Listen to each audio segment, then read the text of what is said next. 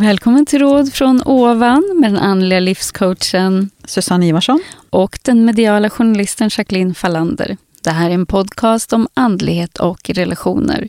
Vi tar upp allt från medialitet och hur man höjer sin vibration till hur man bäst hanterar svärmor och andra utmaningar i livet.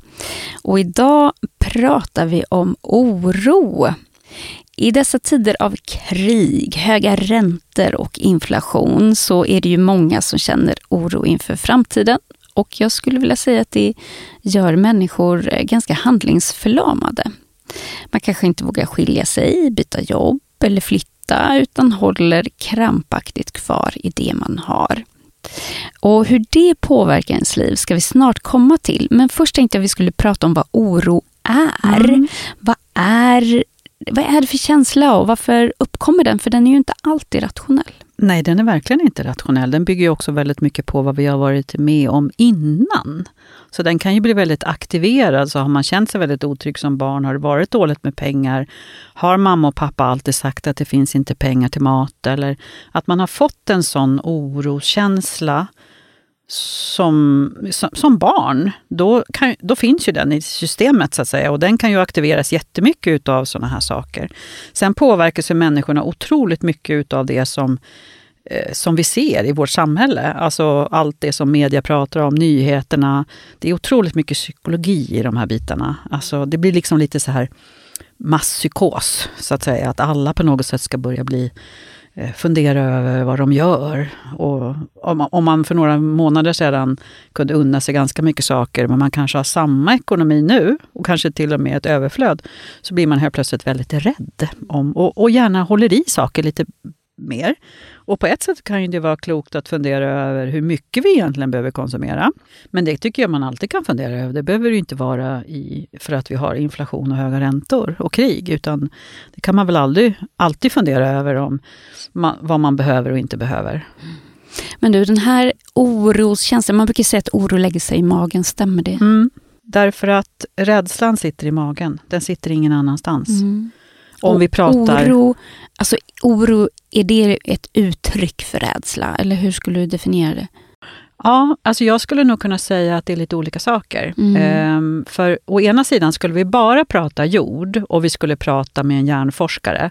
Då skulle de säga att oron sitter i huvudet. Ja. Eller att man till och med skulle kunna titta på olika beståndsdelar av hjärnan som styr den här människans personlighet. Eh, för då, men då, då, då, liksom, då pratar vi bara utifrån kanske fysisk kropp och vilka förutsättningar har, vi har liksom i våra fysiska hjärnor och vad vi har för genetik. Men om vi då utifrån vårt perspektiv mer också kopplar på det som vi också består utav, så är ju det krafter, olika former av krafter. Det blir ju ett annat perspektiv lite. Så jag tänker även om det skulle vara så då att man har någon slags genetik som gör att man har en har beståndsdelar som gör att man är mer orosbenägen eh, så kan det ju, alltså känslolivet, eller det vi på något sätt bär med oss även från tidigare liv och tidigare oro, har vi ju med oss någonstans. Så att, så att det blir ju en flerdimensionell konstruktion här som vi behöver prata om.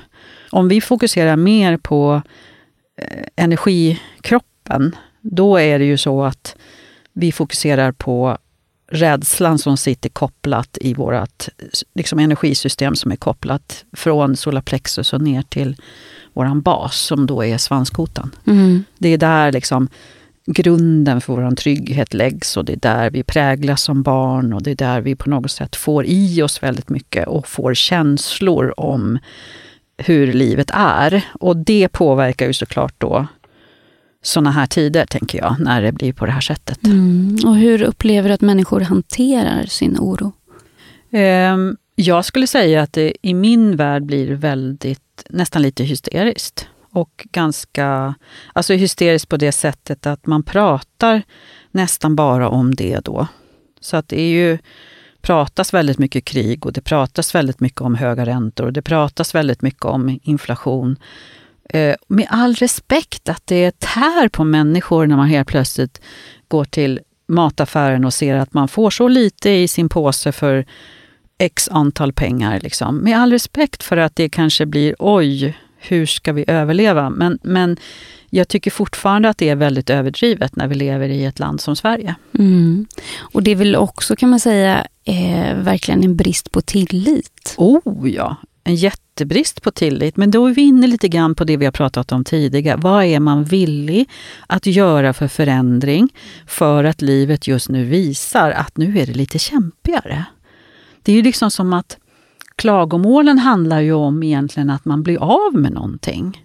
Som att man kämpar för att man ska ha allt det här kvar. Men att ha allt det här är väl ingen självklarhet. Så i, i, min värld så tänker jag så här, men då kan man väl få göra avkall på saker då, om det skulle vara så att just nu så ser livet ut så här. Ja, men om man, om man bara ger ett exempel, att leva då i full tillit, helt utan oro. Vad skulle det innebära i den situationen som är nu? Mm. Om du tänker att du inte är orolig, då gör du ju mer det som livet någonstans visar att du behöver göra. Innebär det då att man behöver sälja bilen eller sälja huset eller sälja lägenheter så är det ju det som livet visar. Sen behöver inte det vara skrivet i sten och det behöver se ut så för resten av livet. Utan det är det som livet visar just nu. Men då hamnar ju människan i otroligt mycket konversation om det är dåliga tider att sälja, vi biter oss fast här, det är jättejobbigt nu med ekonomin. Men då är man orolig för att förlora x antal pengar. Men då är det väl egentligen ingen fara om man fortfarande klarar det då. Så att väldigt mycket konstiga resonemang tycker jag. Eh, utifrån, är det kris så är det kris. Är det så att man inte klarar sig, då klarar man sig inte. Då är man ju tvungen att göra någonting. Annars är det ju mest klagomål bara. Och rädsla. För att man på något sätt nu blir av med någonting som egentligen inte är en självklarhet. Det är inte en mänsklig rättighet att ha bil. Det är inte en mänsklig rättighet att ha ett hus. Det är någonting som vi kan ha för att vi på något sätt har den lyxen, mm. för att vi lever i det här landet. Mm. Så att man blir lite, vad ska man säga, att man behöver bli lite friare och tänka mm. så här att okej, okay, nu ser, ser, livet ut så här, då behöver jag göra de här förändringarna. Att man lite med, kanske mer åker med och inte fastnar i den här eh, oron och rädslan heller för att bli av med saker. Nej, och det kanske inte alls är kul att behöva sälja sitt hus med förlust. Men det kanske är precis just det man behöver göra för att komma loss. Det är inte någon härlig toppen situation och upplevelse att på något sätt gräla om pengarna eller ligga vaken varenda natt för att veta hur man ska kunna betala sina amorteringar. Eller då kanske man till och med är friare om man gör sig av med sitt hus och, och, och försöker hitta en hyresrätt under en tid, om det skulle vara så att ekonomin är så ansträngd. För vi pratar väldigt mycket om hur ska vi kunna göra oss mer fria från det som på något, på något sätt gör oss tunga. Alltså att oroa sig väldigt mycket för ekonomi och en det ena, en det andra. Eh, alltså vi har ett otroligt tryggt samhälle där de flesta överlever. Mm. Mm. Men vad händer då med ens liv och ens utveckling om man på grund av all sin oro bara sitter väldigt stilla i båten? Mm, då fastnar man ju. Då blir det ju mer som att... Men jag tänker att det är det som människor gör väldigt mycket. Mm, att de är liksom, det så just nu? Ja, jag ja. skulle säga att det absolut är så just nu. Att eh, vi ser det, eh, alltså på, på tydligt kan man se det. Så här, det är, även om man kanske vill separera så gör man det inte. Även om man kanske vill flytta eller behöver flytta så gör man det inte. Alltså på något sätt så gör ju det här att människor någonstans sitter still lite för att det är såna här tider nu. Eh, och eh, man liksom förhoppningsvis ser någon kanske förhoppning om att det kanske blir ljusare snart, eller om något år, eller kanske kortare. Eh, men just att man värnar lite mer om det man har. Alltså det är som att man drar sig själv tillbaka i sin rädsla och oro och sen gör man egentligen inte så stora... Alltså man byter inte jobb direkt, utan man försöker bara hålla sig kvar på det jobbet man har. Så att det, det är som att allt stannar upp lite. Även liksom utvecklingen i det stora, alltså i samhället också.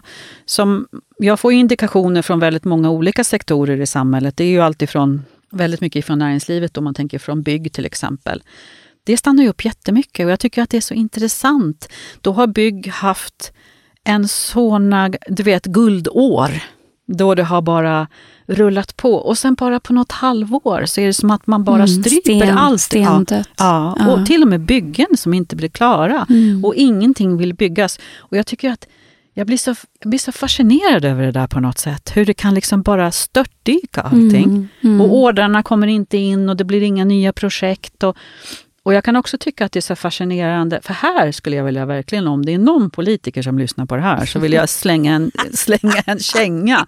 Tänker jag så här, hur kan det komma sig, bara så här, i de här dåliga tiderna då, om vi nu tycker att det här är dåliga tider, när det är liksom lite kämpigare i ekonomin.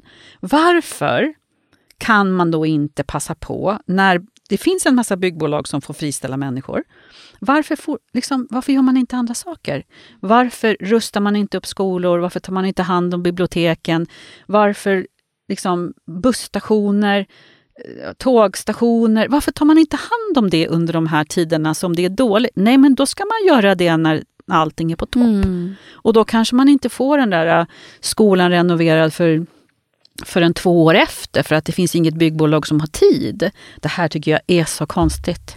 Men Ja. kan, går det att applicera kanske på sin egen utveckling då? Att istället för nu, Mm. att man drar åt kranen och tänker att jag har inte råd, jag, nu måste jag prioritera, eh, höll jag på att säga, jag vet inte, mina matkassa kanske. För, för vissa är det ju verkligen på den nivån att man har inte råd. Men jag tror att många också bara åker med i det här Absolut. psykologiska av Mm. att oj, oj, oj, nu måste jag dra i handbromsen.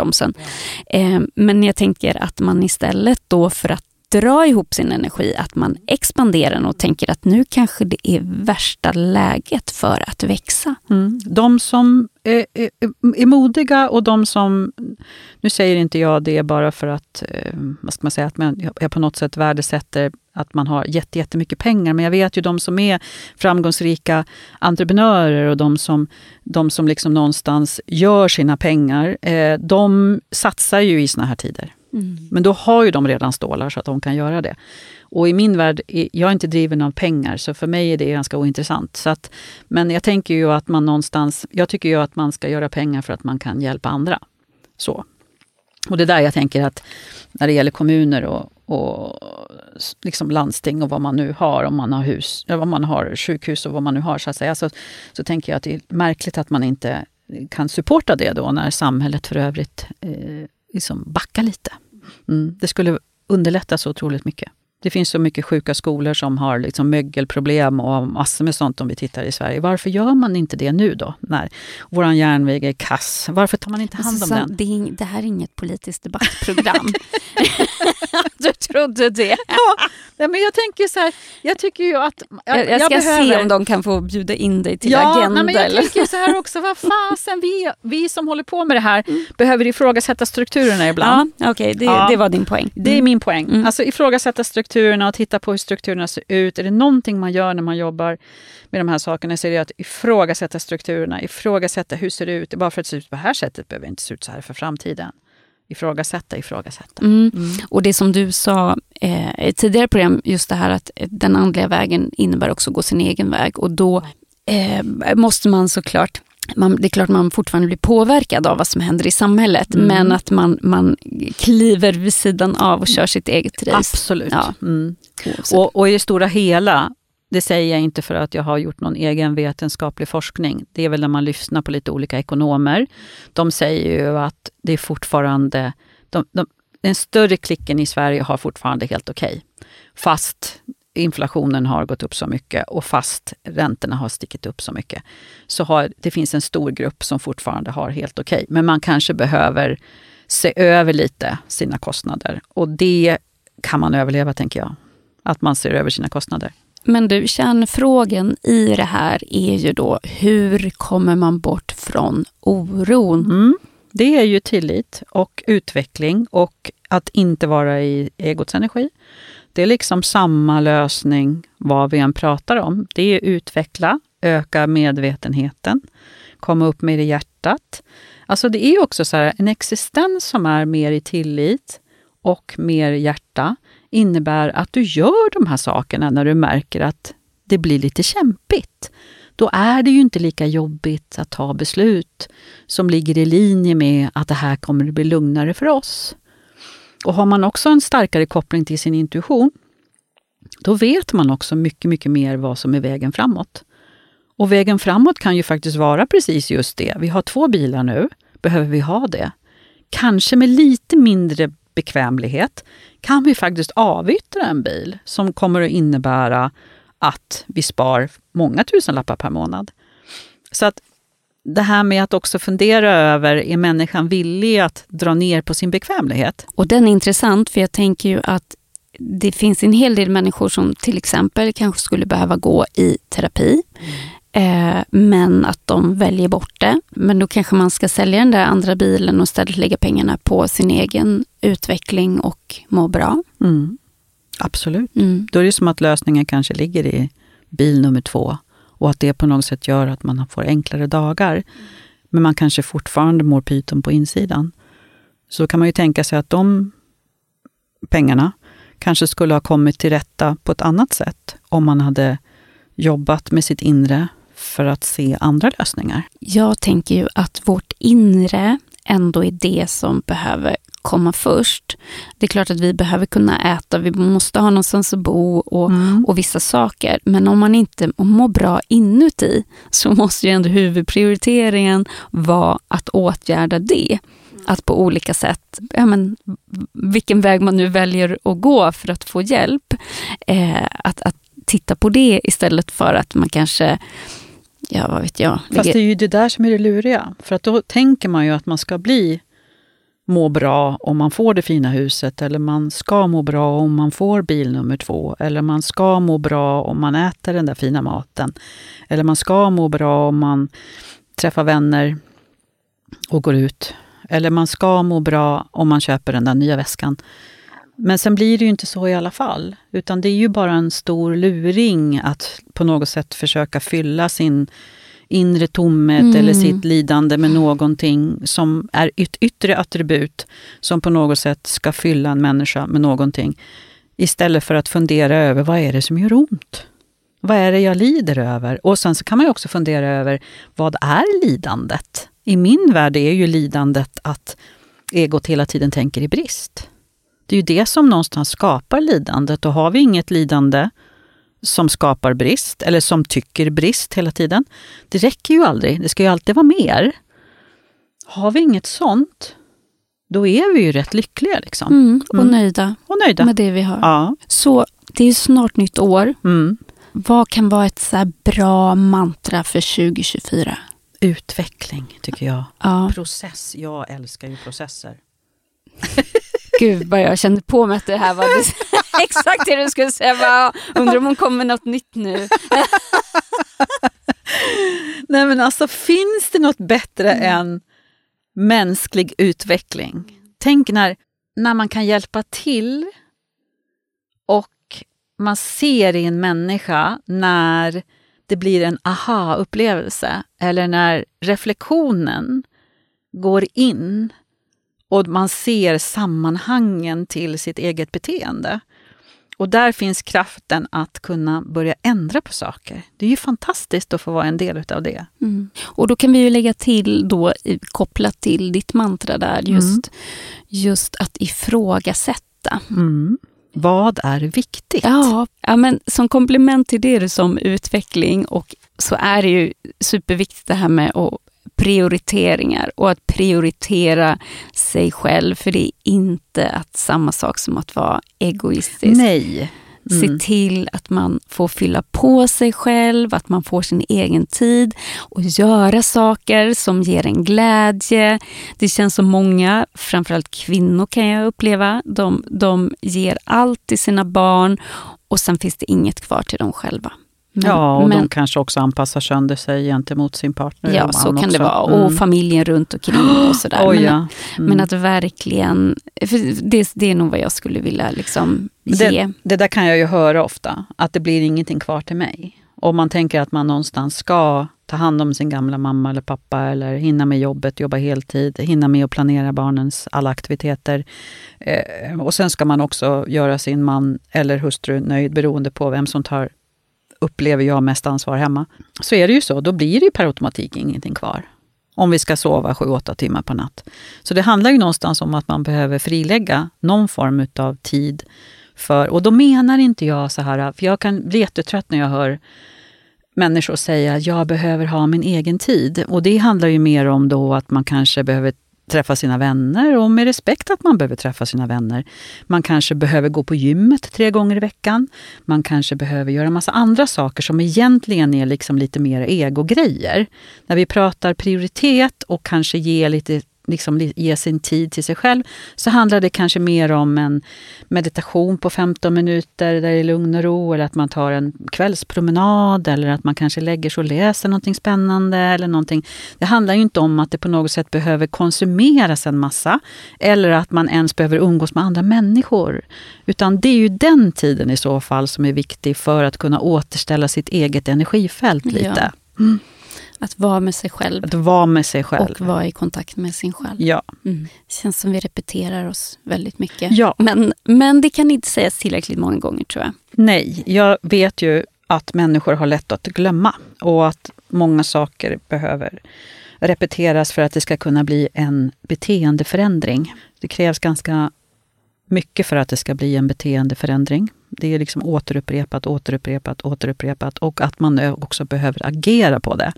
För det är ju ingen idé att tänka varje, gång, varje dag, 20 gånger om dagen att jag behöver meditera och så händer inte det. Eller att man säger att jag ska börja yoga eller jag ska jobba med andningen och så händer inte det. För då kommer det inte att bli någon förändring. Nej. Och här kan man väl lägga till då att känner man att man faktiskt vill börja agera så, så vill man lyssna på vägledda meditationer så har ju vi på hemsidan mm. som man kan köpa och ladda ner om man känner att man behöver den typen av verktyg. Och så har vi också en massa kurser i vår om man också känner att man vill göra den här utvecklingsprocessen tillsammans med andra och tillsammans med oss och det är väldigt mycket fokus på process och utveckling i de här ja. Kurserna. Mm. Mm. Och som sagt, allting finns ju på vår hemsida Rad Fran ovan. Um, ja, så jag hoppas ju att folk hittar massa så inspiration och motivation till att ta nästa steg. Ja, och jag skulle tänka också att det är någon slags kombination mellan att vara realistisk över hur situationen ser ut, men att inte föda sig själv med för, ny, för mycket negativt laddad energi. Och med det menar jag inte för mycket krig och inte för mycket inflation och inte för mycket ränteökningar.